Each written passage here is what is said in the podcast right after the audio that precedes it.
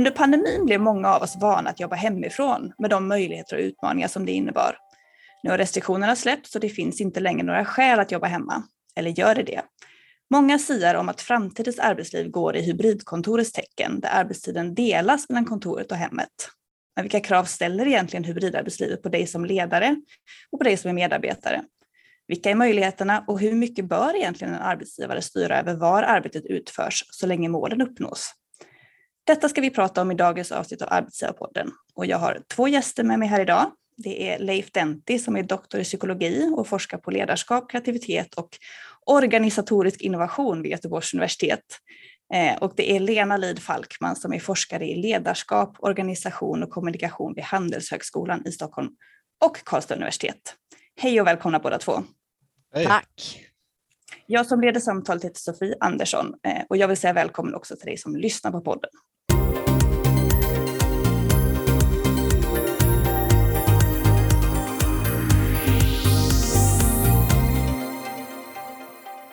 Jag tror att jag ändå vågar säga att distans och hybridarbete är här för att stanna. Men hur ser egentligen framtidens arbetsliv ut? Kommer vi regelmässigt mixa några dagar på kontoret och några dagar hemma eller ser det ut på ett helt annat sätt? Och om vi ska mixa, hur organiserar man så att det fungerar när några är på plats och några är hemma? Vilka är utmaningarna och hur ska man lyckas i det här nya? Och det här ska vi snart prata mer om, men först vill jag ju veta lite mer om er, Leif och Lena. Eh, Leif, kan inte du börja? Mm. Vem är du och vad gör du? Ja, vilken bra fråga. Uh, jag är en väldigt nyfiken person. uh, så att uh, liksom rollen som forskare passar ju mig alldeles utmärkt. Jag kan liksom göra mer eller mindre vad jag vill och eh, eller ja, så länge jag liksom undervisar ordentligt och sådär. Eh, men att, att jag kan liksom lära mig det jag är intresserad av och ehm, skri skriva böcker. Jag sitter med ett bokmanus idag som ska vara inne på torsdag om agilt arbete. Ehm, så att jag, jag väldigt, trivs väldigt mycket i min roll på det sättet. Eh, men mitt, så liksom min, mitt ämnesområde handlar mycket om det här med förnyelse, innovation. Hur kan man göra det? Och i synnerhet utifrån ett psykologiskt perspektiv. Alltså, vad händer med oss när vi liksom blir osäkra och rädda? Hur kan man försöka motverka sådana här nollfelskulturer? Vad har ledarskapet för roll? Uh, hur funkar det med motivationen? Hur ska man belöna folks kreativitet? Liksom, det finns massvis med olika intressanta bitar där som jag har tuggat i mig helt enkelt. Spännande. Men din forskning har ju främst fokuserat på innovation och kreativitet. Vad, mm. vad är din ingång till när vi pratar om hybridarbetslivet eller distansarbete? Ja, precis. Alltså dels så har jag haft en doktorand som har forskat på det här Eh, utifrån liksom kontorets roll, alltså det fysiska kontorets roll. Då. Ehm, och sen har jag mer eller mindre satt mig in i frågan väldigt djupt och börjat samarbeta med dig Lena också och på olika sätt. Så att eh, det är liksom ett, att jag träder in i det här området. Eh, men framförallt via den här doktoranden som jag haft sedan 2018 och sånt där tror jag. Så att det är ett väldigt spännande område. Bra, tack. Då går frågan över till dig Lena. Vem är du och vad gör du? Mm. Uh, ja, men jag är forskare. Uh, jag har försökt vara andra saker men det gick inget bra därför att har man fått den här liksom, vrida och vända och se på det från andra synvinklar och också för att man som forskare får vara nyfiken på saker för sakernas egen skull. Alltså man är inte man vill bara förstå dem och lära sig mer. Inte, ska, sälj, ska inte sälja det, ska inte liksom det tycker jag eh, är så himla viktigt. Och eh, senaste två åren så har jag har alltid föreläst mycket ute på företag och organisationer, men det har ju blivit väldigt mycket eftersom eh, jag håller på med ledarskap och kommunikation och från början var jag väldigt intresserad av liksom klassisk retorik och tal. Men så gled det där över på hur eh, digitala verktyg förändrar hur vi kommunicerar och, och leder och, och, lever för allt i världen också. Alltså hur social media påverkar oss. Eh, om det ska man vara vän med sin chef på Facebook har jag ett projekt som heter kontorstyper, hur det påverkar vår kommunikation och vårt ledarskap. Och sen eh, började jag snöa in på det här med digitala möten och jobba på distans och virtuella team. Och har man breda byxor kan man ju bli modern plötsligt och lite så var det. Eh, för att boken Virtuella möten som är den första då som skrevs på svenska om om, om videomöten kom 2014 och då var verkligen ingen intresserad av att läsa den. Mm. Inte 15, 16, 17, 18 heller och inte 19 för då lades den ner precis innan pandemin. det är ironin i mitt liv tror jag. Men eh, nu samlar jag in jättemycket empiri eh, och har flera roliga forskningsprojekt som Ja, men där vi undersöker hur det här med pandemin har påverkat oss och hur vi vill jobba nu och hur olika sätt att jobba nu, vad mm. det får för konsekvenser och effekter. Eh, så det är en väldigt spännande tid just nu tycker jag. En sån eh, underbar beskrivning av vad det är att vara forskare också. Man blir ju jättesugen på att jobba med det. Eh, men tack så mycket båda två. Om någon hade sagt till mig för två år sedan att eh, snart så kommer halva statsförvaltningen eller mer än halva statsförvaltningen mm. att jobba på distans hade jag ju inte trott på det faktiskt. Men under pandemin var det över 60 procent av de statsanställda som jobbade hemma. Mm. Eh, och jag tror att i ärlighetens namn så var det nog eh, lite obekvämt för en del. Det var mycket saker att hålla reda på. Det var digitala verktyg som vi inte var vana vid. Det var inställningar med kamera och ljud och så vidare. Eh, men en sak som jag tänker ändå underlättade under pandemin var ju att vi alla hade samma förutsättningar nu har vi en mix av det här. Eh, vi ska liksom rodda både att ha alla de här inställningarna som vi kanske har vant oss vid, men vi ska också lyckas ha ett möte på plats i ett rum. Eh, och så tänkte jag börja med att ställa frågan till dig Lena. Är det här med hybridarbetslivet verkligen en stor grej eller har det blivit ett buzzword? Liksom? Nej, jag tycker att det är en stor grej eh, och jag tror ju att det kommer att, att stanna. Eh, det är mm. inte bara en parentes.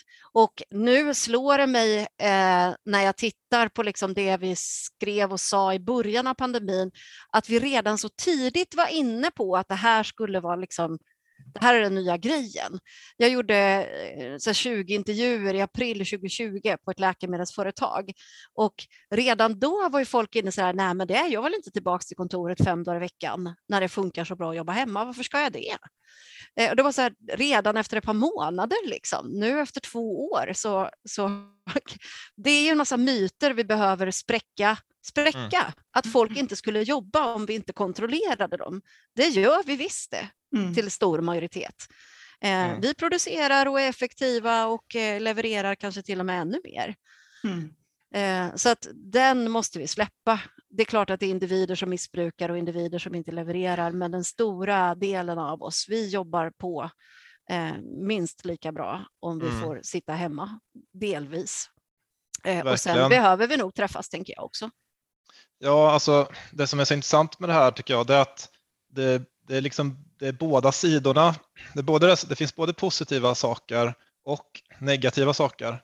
Um, det jag har sett fram emot med det här samtalet det, det är liksom att prata med dig Lena vad du tycker om, uh, om vad, jag, vad jag tänker kring det.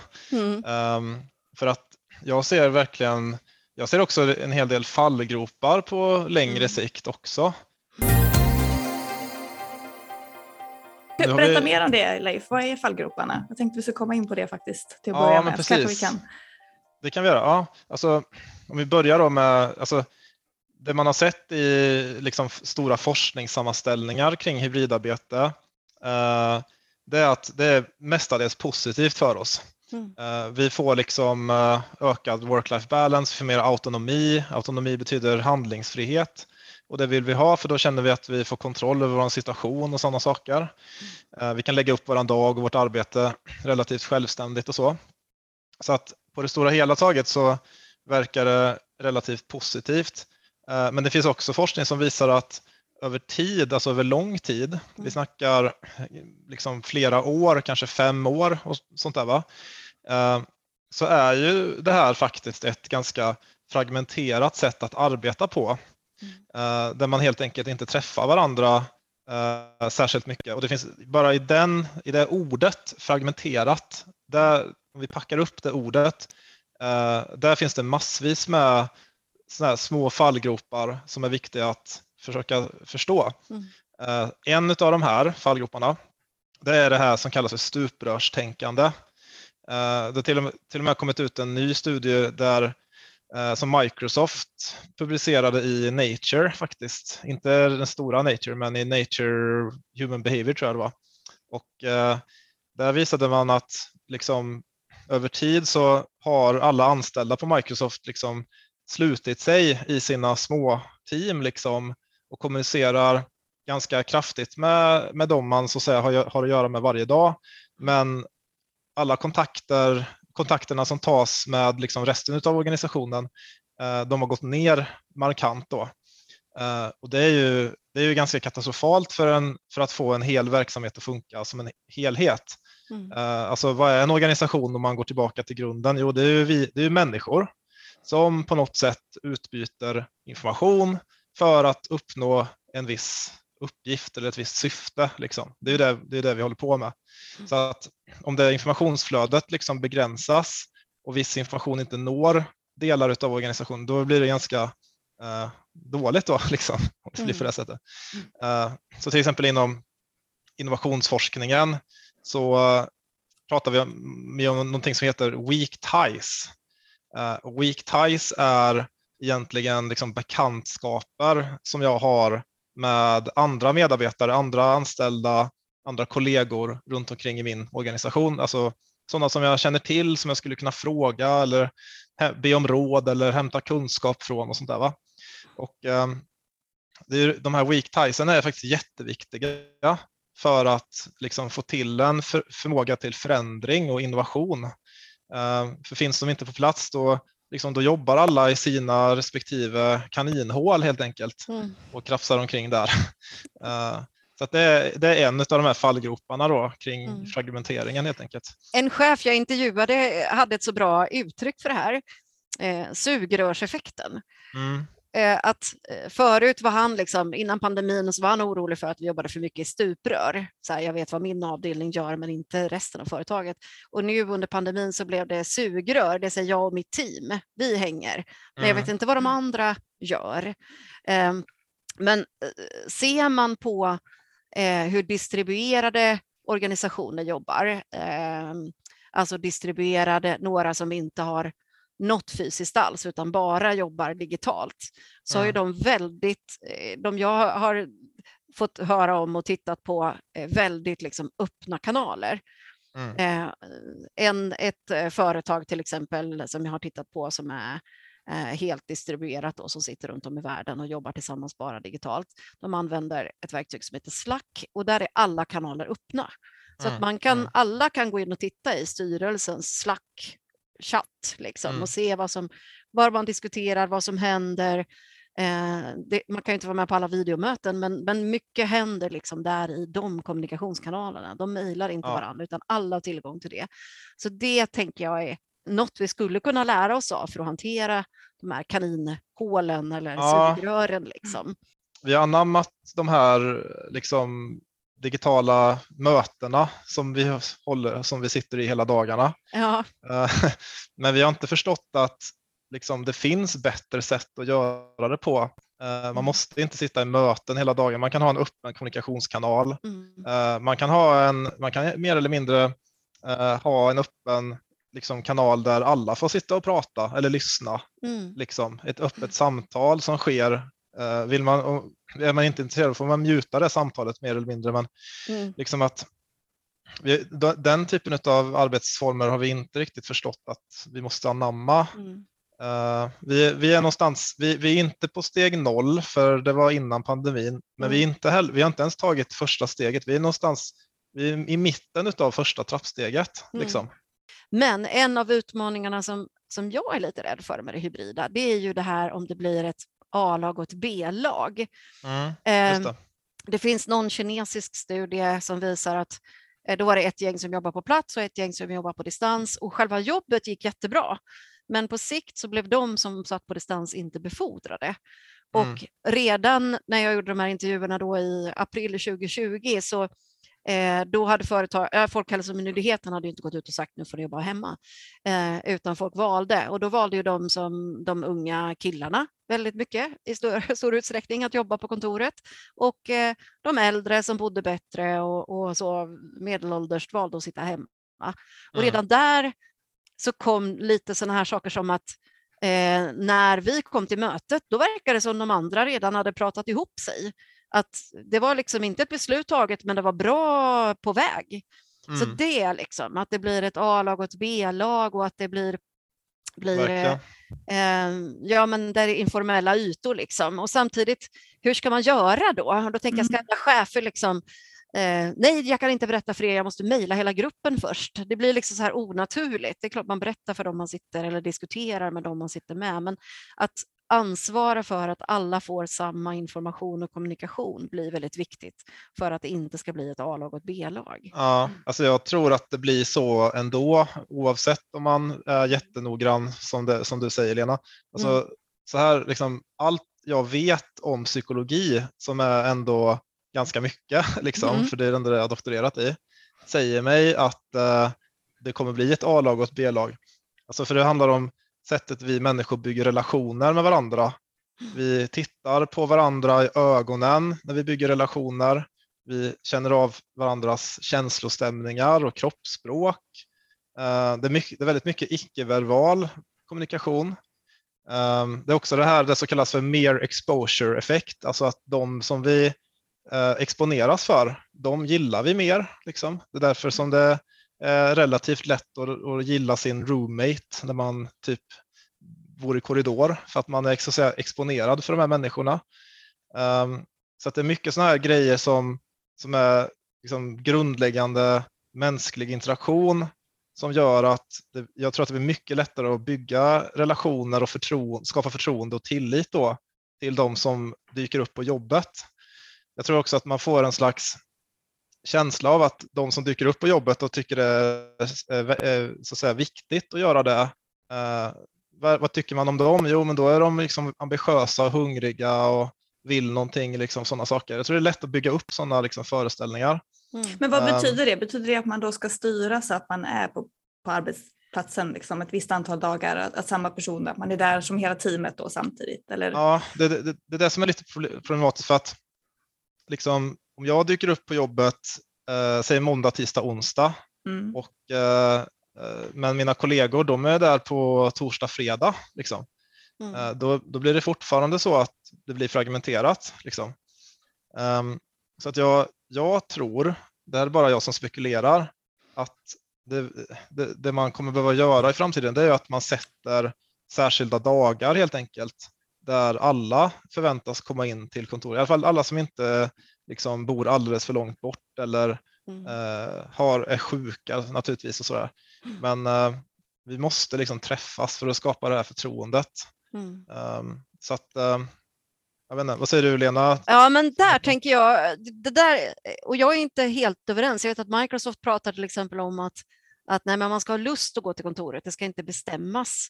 Ja. Och Många andra pratar om att nej, man ska ju välja utifrån aktivitet. Mm. Nej, men jag ska ju gå till kontoret när jag har aktiviteter som passar att göra på kontoret. Men jag tänker att vi nog eh, måste till någon sorts kalenderstyrning.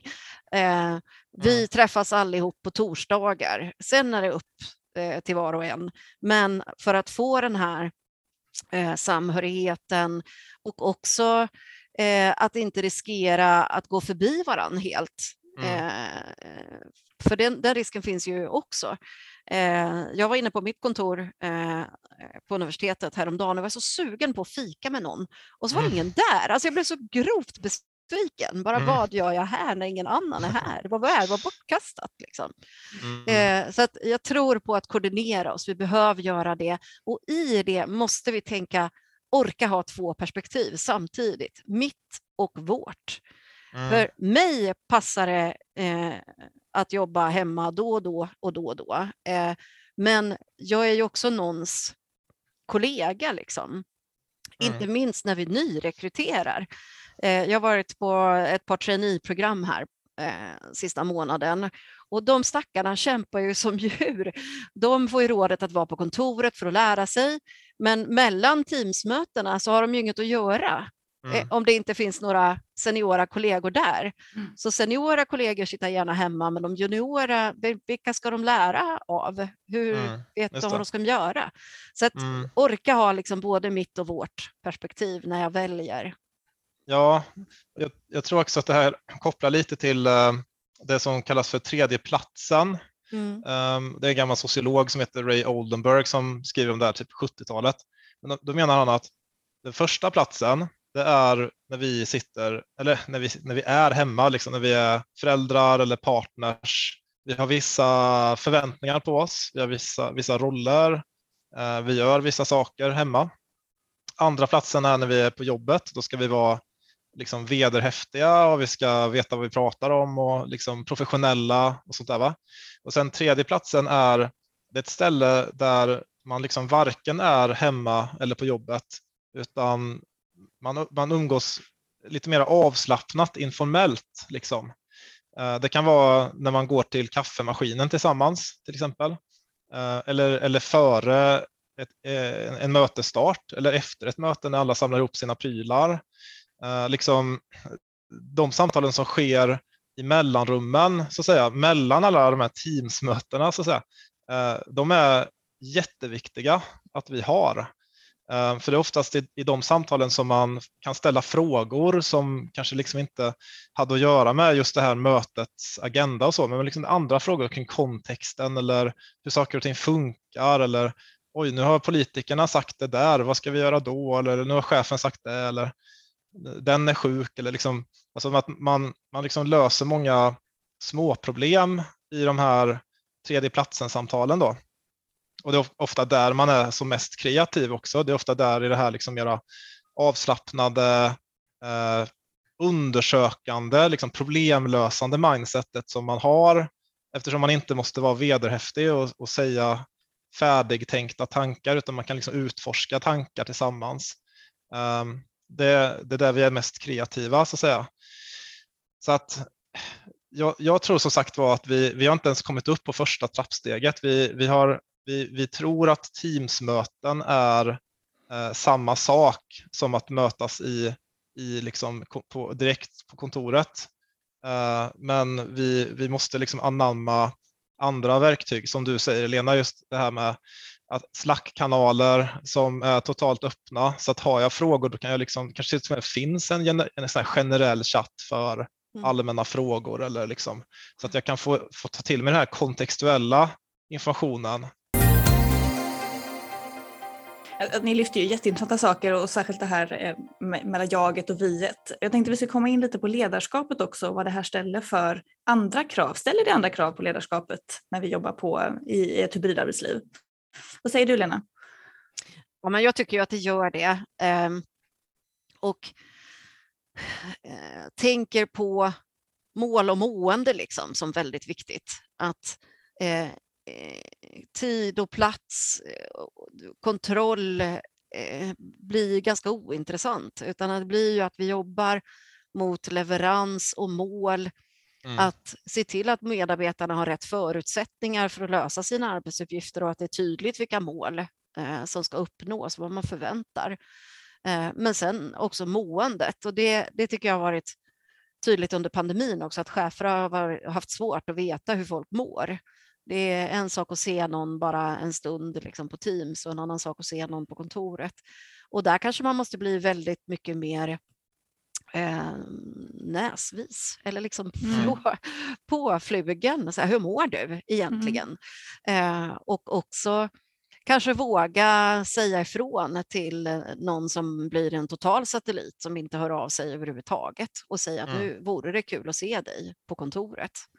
Mm. Eh, Särskilt om man, man misstänker att något inte är bra eller att det inte Just det. händer så mycket. Mm. Leif, vad säger du om ledarskapet? Jag, jag, tror också att det, att det kommer förändras ganska mycket. Um, men det är svårt att säga exakt hur och vad, men det är ju definitivt en ny kompetens som, uh, som jag tror många chefer får lära sig nu helt enkelt. Mm. Um, och det krä, dels kompetenser i nya verktyg. Teams är inte perfekt utan eh, vi behöver ha andra kanaler också. Mm. Eh, tydlighet tror jag är viktigt också, speciellt kring när det kommer till sådana här kontextuella frågor som folk har, det vill säga vad händer med min karriär? Liksom? Mm. Uh, och vad finns det för utvecklingsvägar för mig? Och hur funkar det här omkring? Alltså, alla de här frågorna som man inte får svar på nu för tiden. Därför att vi på något sätt loggar in på Teams och då ska, det, då ska mötet börja liksom en minut över Uh, timman är slagen och sen så är det möte ända tills liksom, timman 59 och då är det slut och så ska man in i nästa. Så liksom, det blir inte den här tredje platsen samtalet. Så att då måste man ta hand om det på något sätt som ledare också. Um, så, att, så jag håller med dig Lena där, liksom att, att jag tror att det är viktigt att explicit fråga hur folk mår, mm. för det, det, vet man inte uh, genom att bara titta på dem via skärmen. Liksom. Uh, hur går det, hur mår du? Ställa mm. de här mm. frågorna oftare helt mm. enkelt. Mm. Det tror jag är jätteviktigt.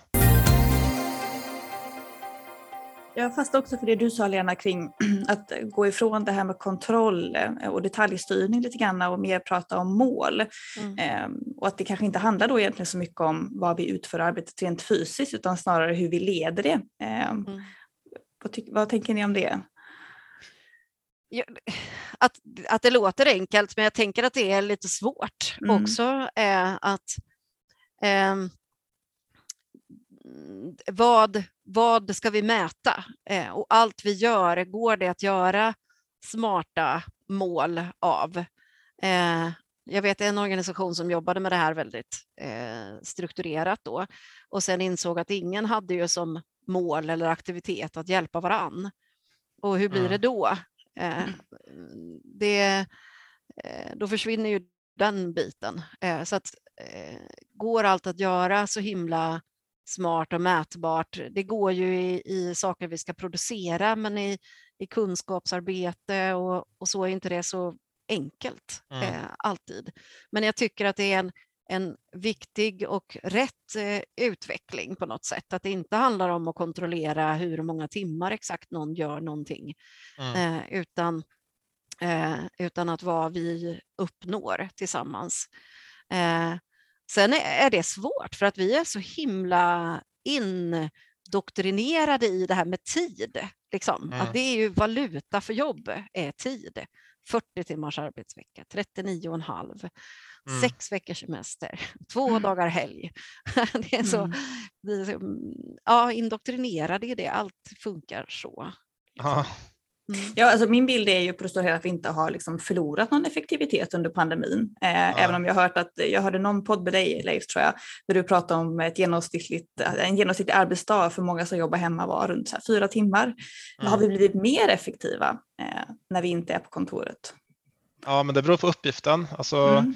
Till exempel eh, nu när jag sitter med bokmanuset så är jag väl, nu har jag i och för sig ett cellkontor på kontor, mitt kontor så jag skulle kunna stänga in mig.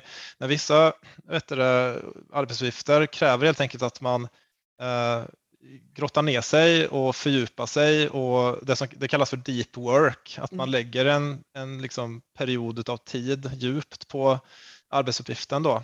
Eh, så det, den, det verkar liksom förbättras av att kunna få ta hem det arbetet hemma vid då, så att säga. Och så kan man kanske ordna det gott för sig själv och sitta på verandan och lite gott te eller kaffe så där. Så det, det där är ju nice liksom. Eh, men jag har också sett att, eller jag, jag har ingen riktig data på det, men när jag pratar med många chefer så säger de att de sitter mycket i möten, mm. många timmar i veckan. Och så brukar jag fråga liksom, hur många, hur, vad skulle du säga, hur många procent är det? Och då ligger det på kanske 70 procent som folk säger att man sitter i möten. Uh, och det, det, där ser jag som ett symptom på att vi faktiskt inte har tagit oss upp till det här första trappsteget ens. Uh, vi försöker att få det att funka ändå um, genom att styra upp, liksom, styra, alltså säga, organisera och styra arbetet via verktyget möten helt enkelt. Mm. Eh, men det finns andra verktyg och andra sätt att göra det på som skulle göra det mycket snabbare och mycket enklare. Ehm, jag, personligen ser jag möten som en, vad ska man kalla det för, ett symptom på en ineffektiv organisation om man sitter för mycket i möten. För då, då, då liksom lägger man inte tiden på att faktiskt jobba på det man, det man ska leverera så att säga.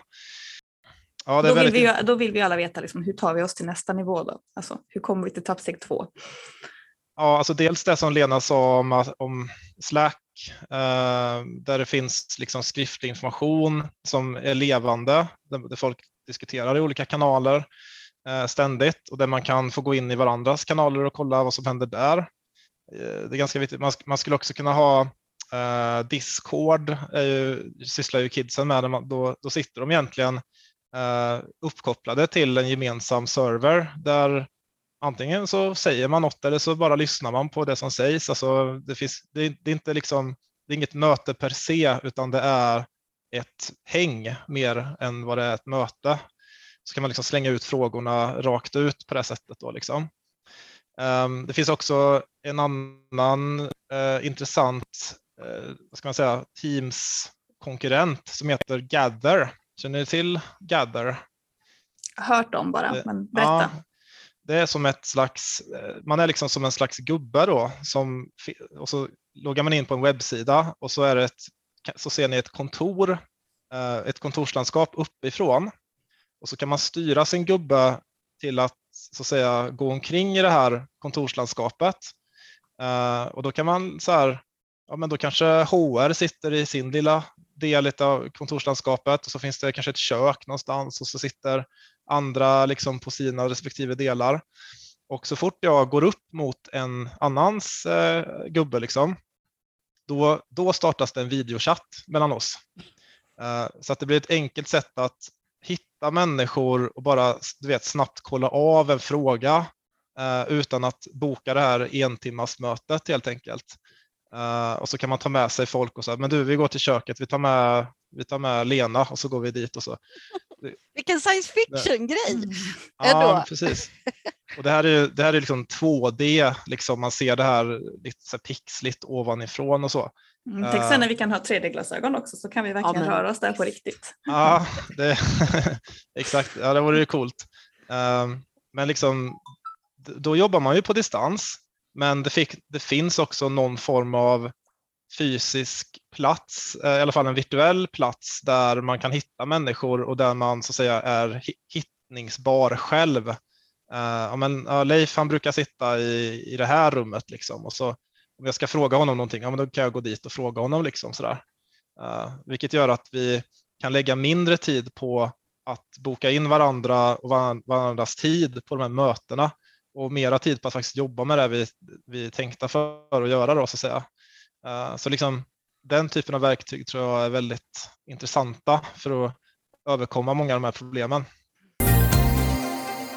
Nu eh, tänker jag att vi har pratat ganska mycket om nackdelar och utmaningar med att jobba på det här sättet. Men vad finns det? Finns det några särskilda fördelar för ledare eh, att kunna jobba flexibelt?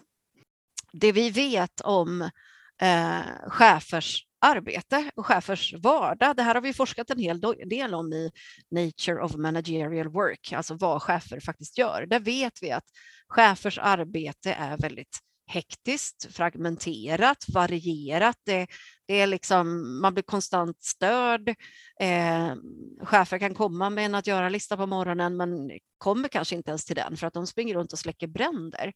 Så att där tänker jag att, att deras möjlighet till eh, hybrid, att välja att vara på kontoret och bli konstant störd hela tiden men också kunna sitta hemma då kanske eller sitta någon annanstans och eh, få jobba, få sin chans att göra deep work, att mm. eh, analysera, eh, reflektera, eh, tänka framåt utan att bara springa runt och släcka bränder. Så det tror jag kan vara en fördel för dem. Eh, och sen på det att man eh, kan också komma folk nära digitalt. Jag vet ju att flera har vittnat om att de har fått tajtare samarbete i teamet.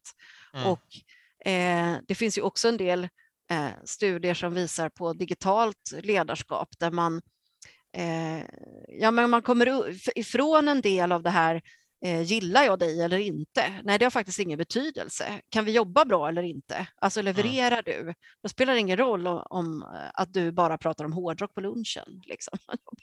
Jag behöver inte gilla dig faktiskt. Man kan jobba ja, bra ändå. Ja, det är, det är en bra poäng. Jag tror också att eh, de här verktygen kan ju hjälpa till att, jag har två, jag har två saker. Dels att det är lättare att få in liksom andra människor i ett visst samtal eh, nu för tiden. Det kan vara liksom människor som är på andra myndigheter eller från universitetsvärlden. Den här podden skulle vi ha lite svårt att göra för då, då var jag tvungen att åka till Stockholm till exempel. Mm. Eh, men nu gör vi den på det här sättet. Um, så det, det, ökar ju liksom informationsutbytet framför allt och, och mycket av liksom kunskapsarbetet är ju, beror ju väldigt mycket på den kompetensen man har till förfogande för att lösa ett visst uppdrag. Eh, de kunskaperna som folk har och eh, erfarenheter som folk har och kan man, kan man liksom lättare få in eh, människor till, säg att jag leder ett projekt och så inser vi att vi behöver ha juristhjälp. Liksom. Fråga någon, vi kanske kan fråga någon på Arbetsgivarverket. Liksom. Mm. Eh, då kanske det är ganska lätt nu för tiden att eh, boka in det där mötet med någon på myndigheten för att liksom få hjälp i, i mitt projekt och så vidare. Eh, så det är ju en jättestor fördel att kunna, kunna nyttja mer eller mindre hela Sveriges eller hela världens kompetens för att nå mina syften då som chef. Det är en jättebra poäng faktiskt, att det blir en, högre, en möjlig högre effektivitet och, och bättre ja. samhällsnytta faktiskt också om man kan nyttja kompetensen bredare. Ja. Verkligen. Och sen den andra, min andra tanke kring, kring det, det är ju att eh, distansarbetet kräver ju på ett sätt att man liksom jobbar med tillit. Eh, för det är, det är, lite svårare att liksom kontrollera och följa upp vad folk håller på med hela dagarna utan eh, istället så bör man gå över till det här att liksom så länge, det här mindsetet just att så länge som du levererar och så länge som du liksom gör det du ska göra så då spelar det ingen roll för mig hur du gör det egentligen. Eh, det är precis så som vi, som vi forskare har blivit behandlade i liksom all evighet mer eller mindre. Uh, jag, jag har ju suttit hemma ända sedan 2009 när jag var doktorand. Liksom. Ja. Uh, så att, och det funkar ju väldigt bra, liksom, just den här modellen med tillit. Då. Mm. Eh, och, och så, så, folk, så fort så fort vi får den pusselbiten på plats, uh, då kan, då kan vi öka det som kallas för självledarskap, det vill säga att människor liksom själv tar ansvar för sitt arbete. Uh, och då kanske det kan liksom fria upp vissa resurser för chefen då och kunna liksom ta mer den här viktiga helikopterrollen, den som, liksom, den som har helhetsperspektivet, den som knyter in kontakter, fixar problem, Eh, bereder väg, förhandlar uppåt kanske mot eh, andra chefer eller kanske mot sidan, mot uppdragsgivare och så vidare. Liksom ta den rollen om så att säga, medarbetarna är mera självgående i det här arbetssättet. Då. Eh, så det kan ju vara ytterligare en fördel helt enkelt. Vad bra att du kom in på självledarskapet för det var faktiskt min nästa fråga. Hur, hur kan man som ledare ge sina medarbetare förutsättningar till att kunna leda sig själv? Mm. Lena, ja. vill, du, vill du svara på den frågan? Ja, eh, jag har skrivit en, en, eh, en forskningsartikel tillsammans med flera kollegor, Gisela Bäcklander och andra, där vi tittade på självledarskap eh, och flera andra saker. Och det, det vi såg där, det var att den delen som handlar om att skapa mål är väldigt tydligt kopplat i självledarskap då till prestation och också välmående och stress. Alltså har man ett tydligt mål, mm. då sjunker kognitiv stress och prestation ökar. Så att man som chef ger eh, tydliga mål. Det här förväntar jag mig av dig. Det här är liksom det vi ska åstadkomma, det du ska göra. Eh, så kan man höja självledarskap. Sen är, ju, är vi väldigt olika. En del är mer självgående än andra. Och där tror jag också att man inte kan hjälpa till och stötta. Vad behöver du? Eh, behöver du hjälp att prioritera bland eh, dina olika saker som pockar på eller behöver du hjälp att strukturera? Andra bara springer av sig själva, liksom. men en del tror jag vi kan behöva Eh, att man som chef kan behöva hjälpa och våga individanpassa. Det, det vore fantastiskt om det blev en utveckling i arbetslivet. Att man faktiskt frågar vilken hjälp behöver du av mig? Och då tror jag att det, man kan få väldigt olika svar. En del vill träffas varje vecka och bara ha en avstämning. Hur tänker jag rätt om jag gör så här? Och, eh, och andra vill bara att man ska hålla sig i vägen som chef. Liksom. Eh, och, och mm. våga göra det. Det kräver en del mod och ett, ett en tankesätt om det här med eh, rättvisa och orättvisa som eh, eh, jag tror vi kommer att behöva hantera en hel del framöver. Också om vi låter det här hybrida se olika ut. Alltså att en del som har vissa uppgifter ska vara på kontoret mer och andra får helt fritt kanske, då kan det nog bli en hel del. Varför får de och inte vi och vad han och inte jag? Eh, och då behöver vi tänka på det där med eh, rättvisa innebär inte att allt ska vara lika för alla, eh, mm. utan vi kan ha faktiskt olika. En del eh, medarbetare behöver mer mer support, andra mindre. En del behöver vara mer på kontoret, andra mindre. Mm. Eh, att inte vara så noga med att allt ska vara exakt lika. Ett stort företag som, som eh, Leif och jag träffade en sväng eh, där de har produktion och sen tjänstemän. Där bestämde man att man inte skulle ha hybrid utan alla skulle tillbaks till arbetsplatsen nu efter pandemin för att det inte skulle bli orättvisor mellan de i produktion och de tjänstemännen då. Mm, det. Och det blir ju så här konstigt, liksom, tycker jag. Konstigt rättviseaktigt. De här två grupperna är olika. Den här gruppen skulle kunna ha det bättre, mer flexibelt, men det är bättre att alla har det lika dåligt. Mm. Då är det rättvist. Liksom. Mm. Det ställer ju väldigt höga krav på ledarskapet och, och förmågan att kommunicera som ledare, att ja. förklara varför. Och varför, särskilt, precis. Ja, och särskilt mm. om det inte är hårda faktorer som så här, i det exemplet du lyfter nu med verksamheten i två delar, det mm. skulle ändå fungera att argumentera för det här. Men ja, är det mjuka faktorer det. som personlighets, eh, liksom personlighetstyp eller mm. just den förmågan att leda sig själv, ja men då är det ju ännu svårare kanske mm. att kommunicera kring det. Mm. Ja, det kom ut en jätte, jättestor metaanalys på ledarskap eh, 2016 som har ställt det här lite upp och ner, liksom vad, vad, vi, vad vi forskare i alla fall tycker effektivt ledarskap går ut på. Eh, ni kanske har hört talas om utvecklande ledarskap, det är en ganska vanlig liksom, eh, utbildning man går på. Ehm, coachande ledarskap ehm, och sådär. Va? Men där man, man, man tog ett antal studier eh, närmare bestämt 3300 stycken. Wow, eh, mycket. Ja. Uh. Och så körde man alla de här i en och samma liksom, analys. Och det, här är, så att det, det var inte, en, inte ens en metaanalys, det var en meta-meta-analys. Liksom. Så det här är den största eh, studien som någonsin har gjorts på just eh, ledarskap faktiskt. Och eh, det man såg var att okej, okay, du kan gå på de här kurserna och du kan lära dig alla de här coachande liksom, formuleringarna och motiverande samtal och vilka frågor du ska ställa och så vidare.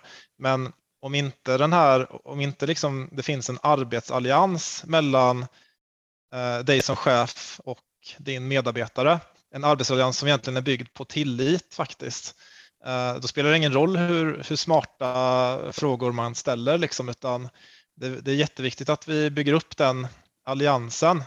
Eh, och hur gör man det? Jo, det var, det var så jag gjorde den här associationen nämligen för att det bästa sättet att, att liksom leda någon på det är ju att förstå den personen. Mm. Vi måste förstå personen för att kunna leda personen på ett vettigt sätt.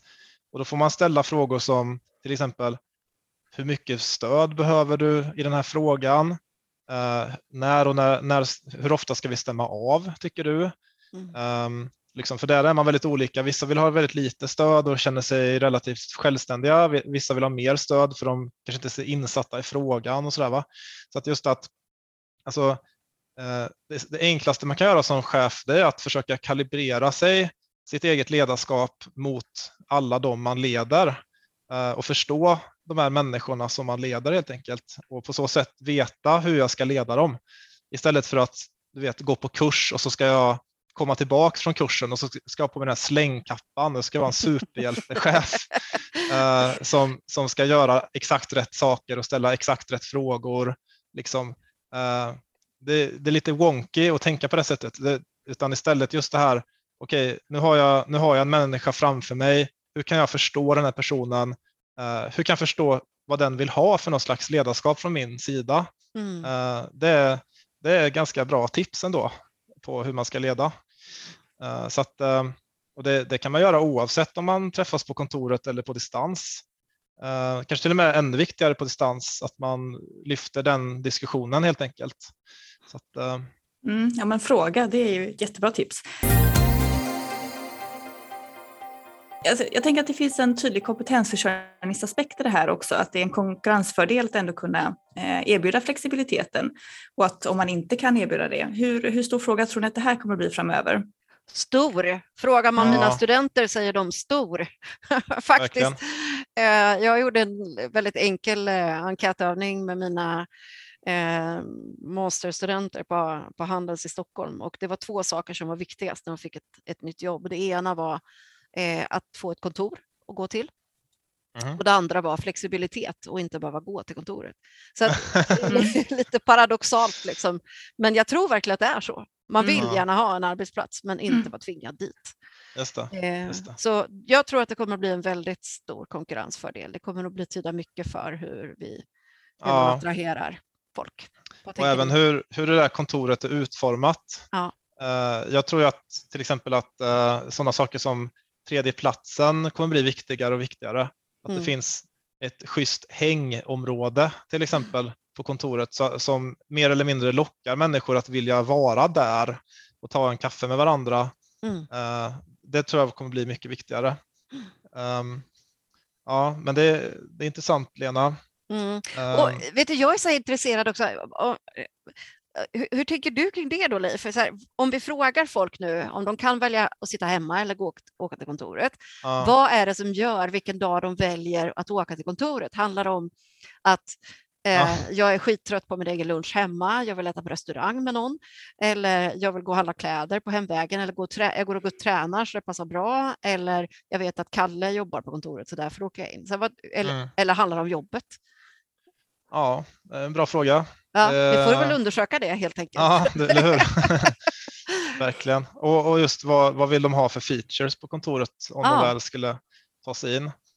En grej jag tänkte på, det är ju, alltså uppenbarligen så är det så att det är lättare att hitta kompetens eh, nu för tiden om, Mm. om den kompetensen kan jobba 100% på distans.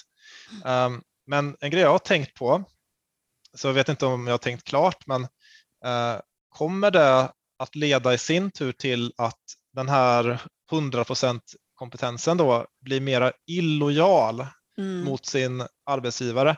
Ta till exempel att vi har en programmerare, en väldigt eftertraktad kompetens Eh, och den personen sitter i eh, Karlstad, säger vi, bara för att jag kommer från Karlstad. Mm. Um, och eh, fått ett jobb i Piteå kommun som programmerare. Lönen är 35 000. Men då är det så att Visby kommun erbjuder 45 000. Eh, varför skulle inte den personen i Karlstad byta jobb till Visby? Liksom. För det är, det är ungefär samma arbetsgivare. Liksom. Det, eh, spelar det roll för mig om jag sitter på distans mot Piteå eller mot Visby? Inte jättestor roll egentligen. Sådär, va? Uh, hur ska man mot, eller för det första, för det första har jag rätt eller inte liksom? Och i så fall, vad kan man göra åt det? För jag tror att det kan bli en grej liksom. Men jag tror absolut det ligger någonting i det där och, och att eh, för arbetsplatsen är ju ändå någon form av kulturbärare. Eh, Mm. och vi lyfte faktiskt just den här frågan i en podd för något år sedan när vi pratade med en forskare som Stefan Söderfjell. Mm. Eh, och att det är så viktigt att, eh, att man just har de här eh, fysiska mötena för att man ska bygga den här tilliten och att man går miste om någonting om man sitter helt, eh, helt på distans. Men Mm. man måste väl, eller man kan väl tänka sig att man kan jobba med det på andra sätt. Man kan jobba med att bygga det här förtroendet även om man sitter på distans. Jag tänker på det du sa förut Lena om eh, att juniora personer har ett större behov av att vi är många på arbetsplatsen för att Mm. man ska kunna komma in i arbetet. Att det där kanske beror också på liksom vilken ingång man har. Och, vad tänker du Lena om det här med ehm, känsla för arbetsplatsen? Jag tror ju att det, det kommer att bli viktigt vad det är för kontor och ehm, att eh, vi kommer att vara lite petiga och det, det hör jag redan nu med folk som är att man Mm. vill ju ha det lika bra på arbetsplatsen som man kanske har fixat det för sig hemma. Eh, Mm. så här, va? Men hemma har jag ju två skärmar, ska jag sitta här med en skärm? Liksom? Mm. Eh, och samtidigt blir det ju lite ohållbart. Vi kan ju inte ha eh, ett eget rum på 15 kvadrat som står tomt eh, fem dagar i veckan för att någon ska sitta där två dagar i veckan. Det blir ju eh, liksom ohållbart både ekonomiskt och miljömässigt och på alla sätt. Så att jag tror att vi kommer att se andra typer av kontor. Jag tror ju att vi kommer att se mer av flexkontor, aktivitetsbaserade kontor och det jag hoppas, men det är inget forskningsresultat, det är bara något jag hoppas, att vi Mm. vågar individanpassa även där. Har vi folk som sitter fem dagar i veckan på kontoret och kanske har ett ganska analytiskt arbete, men det är klart att de ska ha ett eget skrivbord Mm. eller ett eget rum. Eh, andra som är inne två dagar i veckan har helt andra behov. Mm. Eh, men där har, har eh, arkitekter och förändringsledare och de som jobbat med kontor varit så väldigt försiktiga med att göra undantag. Ska det vara flex ska alla vara flex. Men Mm. ja, det, det där tror jag vi måste ändra på. Man måste ju få det man behöver. Det börjar bli dags att runda av, eh, men innan dess så skulle jag vilja ha eh, några konkreta råd av er. Eh, Om man då ska ha ett hybridmöte, vad ska man tänka på? Om man ska få ett lyckat hybridmöte, har ni några bra? Mm. Hybridmöte är faktiskt svårt, Mm. men jag tror att det var det vi sa om digitala möten förut. Så Mm. att vi kommer att lära oss därför att vi eh, plattformarna blir bättre, vi lär oss att hantera det. Eh, något jag tycker är viktigt är att man eh, Ja, men att vi alla har tillgång till samma chatt på något sätt. Eh, Mm. Att vi blir involverade och att vi kan se vem som pratar. Och det har ju med antingen att alla måste vara inloggade så att man ser vem som pratar, eh, men är mutade då, eller att man har så bra kamera så att den vänder sig till den som pratar. För att se ett rum, man hör att någon pratar men det är inte riktigt klart på vem. Nej. Det gör att man känner sig väldigt exkluderad. Mm. Bra tips. Leif, vad säger du? Ja, tekniken såklart är jätteviktig där. Att, eh, att folk hörs och syns. Eh, bra mickar och bra video och sådana saker. Liksom. Mm. Eh, men eh, också att jag tror att utmaningen är ju att den gruppen som sitter i majoritet på ett, ett, i ett visst mötesrum, säger vi, eh, de har automatiskt någon form av liksom höghet, eh, alltså överhöghet på något sätt. Mm. Eh, och alltså, att deras saker prioriteras framför de som inte, inte sitter där just nu. Så att det är viktigt tror jag för den här som leder mötet att ständigt liksom återkoppla till de som eh, finns med på distans och ha den här loopen i bakhuvudet att folk sitter faktiskt på distans. Det är ganska svårt. Jag, jag har misslyckats med det många gånger. Ja, jag också. Eh, Så, så att, eh, Ett, ett sån där sak som jag tyckte funkar det är att man har någon i salen som är liksom talesperson för de som Ah, ja. är på distans. Som Mm. inte bara mötesledare utan någon som, som har Exakt. ordning på dem. Ja, Just det, som precis. bollar tillbaka till dem då tänker du? Alltså, ja, och liksom ser till att de fortfarande är kvar Mm. och att de vet vad som händer och inte blir lämnade utanför. Nej, precis. Och det kan vara jättesvårt att bryta sig in i ett samtal eh, som förs av den här majoriteten i konferensrummet Ja. när man sitter på distans. Eh, så att, eh, ja, ja, det är en bra idé Lena, just det här att kunna, eh, någon som, som har koll på om det är någon som räcker upp handen till exempel. Precis, bara en sån Eh, sak. Ja, precis. Det tror jag är viktigt. Vi har idag pratat om framtidens kontor och hybridarbetslivet och vilka krav som det kan ställa på oss som medarbetare och ledare. Eh, en sak som jag tar med mig från dagens samtal är hur viktigt det är med individanpassning men också vikten av god kommunikation. Stort tack till er båda, Leif och Lena, för att ni ville vara med här idag eh, och dela med er av er kunskap. Jag vill ställa en sista fråga till er innan vi avslutar och det är Mm. om ni får välja ut en sak som ni vill att de som lyssnar liksom tar med sig av det här samtalet. Vad väljer ni då? Jag börjar med dig Lena. Mål och mående. Mål och mående. Kort och konkret, bra. Leif? Um, experimentera med, med ny teknik och lär er från er själva. Det, det finns, alltså, vi, vi vill gärna imitera vad andra arbetsplatser håller på med, som typ Spotifys work from anywhere och sådana saker. Mm. Men det, är liksom, det finns en fälla i det där och tro att bara för att det funkar för Spotify så funkar det för oss också. Mm. Så jag tror att den här första tiden nu efter pandemin så måste man ta sig ett experimentellt mindset Mm. och liksom inse att vi, vi, kanske inte, vi kanske inte har hittat rätt än. Det kanske tar oss två år innan vi faktiskt hittar rätt. Och under Mm. tiden så ska vi experimentera, vi ska kanske använda Slack eller andra verktyg liksom. Eh, så att vi hela tiden liksom kommer till en bättre punkt än vart vi är idag. Så att lär er från er själva så mycket som möjligt. Bra, tack. Och tack också till dig som har lyssnat. Om du har några frågor eller förslag på vad du tycker vi ska ta upp i podden så får du jättegärna höra av dig till oss på webb.arbetsgivarverket.se så hörs vi snart igen. Hej då! Hej då! Hej då!